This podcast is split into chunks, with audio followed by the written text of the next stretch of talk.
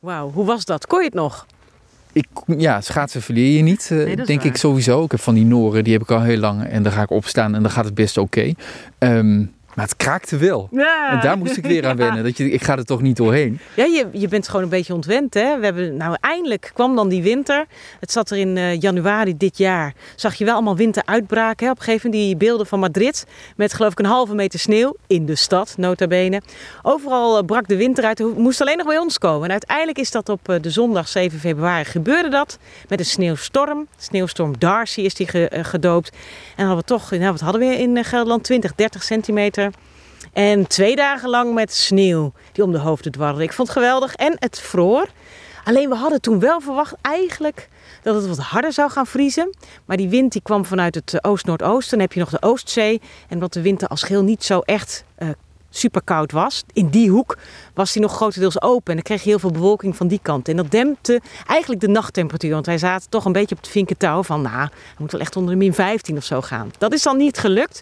Omdat de bewolking dan roet in het eten gooide. Maar het was een prachtige week. Ik uh, ben toen uh, uh, met de veerboot van Harlingen naar Terschelling geweest tien jaar geleden ook gedaan toen dat kon. En nu dacht ik van, wacht eens even. We hebben ijs, we hebben ook drijfijs. Ja, daar moeten we dan weer bij zijn. Dus uh, met uh, de boot door het drijfijs op de, op de Waddenzee.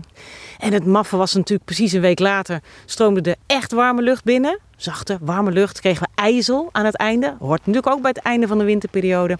En daarna kregen we in de laatste week van uh, februari was het ineens super zacht. En februari is als zachte maand de boeken ingegaan. Dan zie je een beetje hoe, ja, dat, dat zet je vaak op het verkeerde been. En zacht, ja, maar het was wel één week heel koud en één week heel warm. Ja, ja dan krijg je zacht, uh, ja.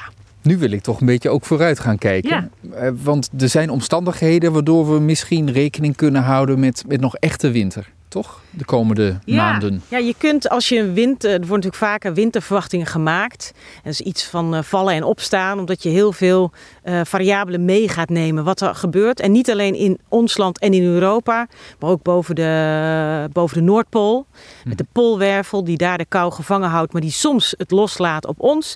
Je hebt zelfs uh, de El Niño en La Niña bij Zuid-Amerika, westelijke Zuid-Amerika. De stromingen in de, de zee. De stromingen in de zee, die spelen ook een rol. Dan heb je nog allerlei buiengebieden die tussen India, Indonesië en Australië zitten. Ook die werken echt mee. En alles koppelt dit seizoen eigenlijk, dat begon vorig jaar al een beetje, koppelt eigenlijk een beetje mee naar een hele sterk slingerende straalstroom die heel diep kan duiken. En waarbij de verwachting toch is dat je toch weer eens een koude wind, dat die kansen op een koude winter nu best gunstig staan.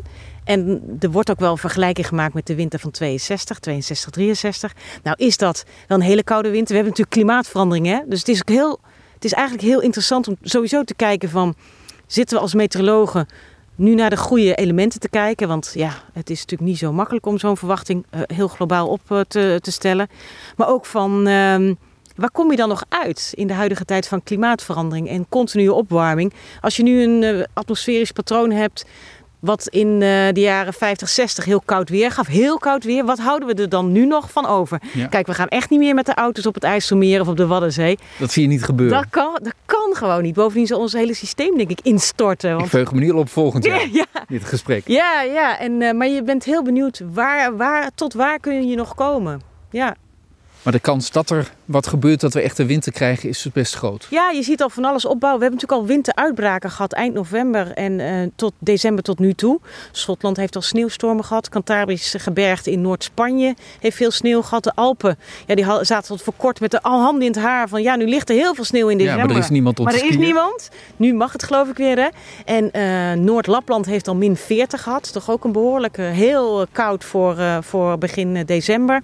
Dus er is wel van alles aan de hand. Dus de meteorologen zijn daar wel, zijn er wel gespannen onder. Het jaar als geheel, hè, dat is ook wel leuk. Wij komen uit op, uh, wij komen volgens verwachting uit naar 10,4 als gemiddelde jaartemperatuur. Hè?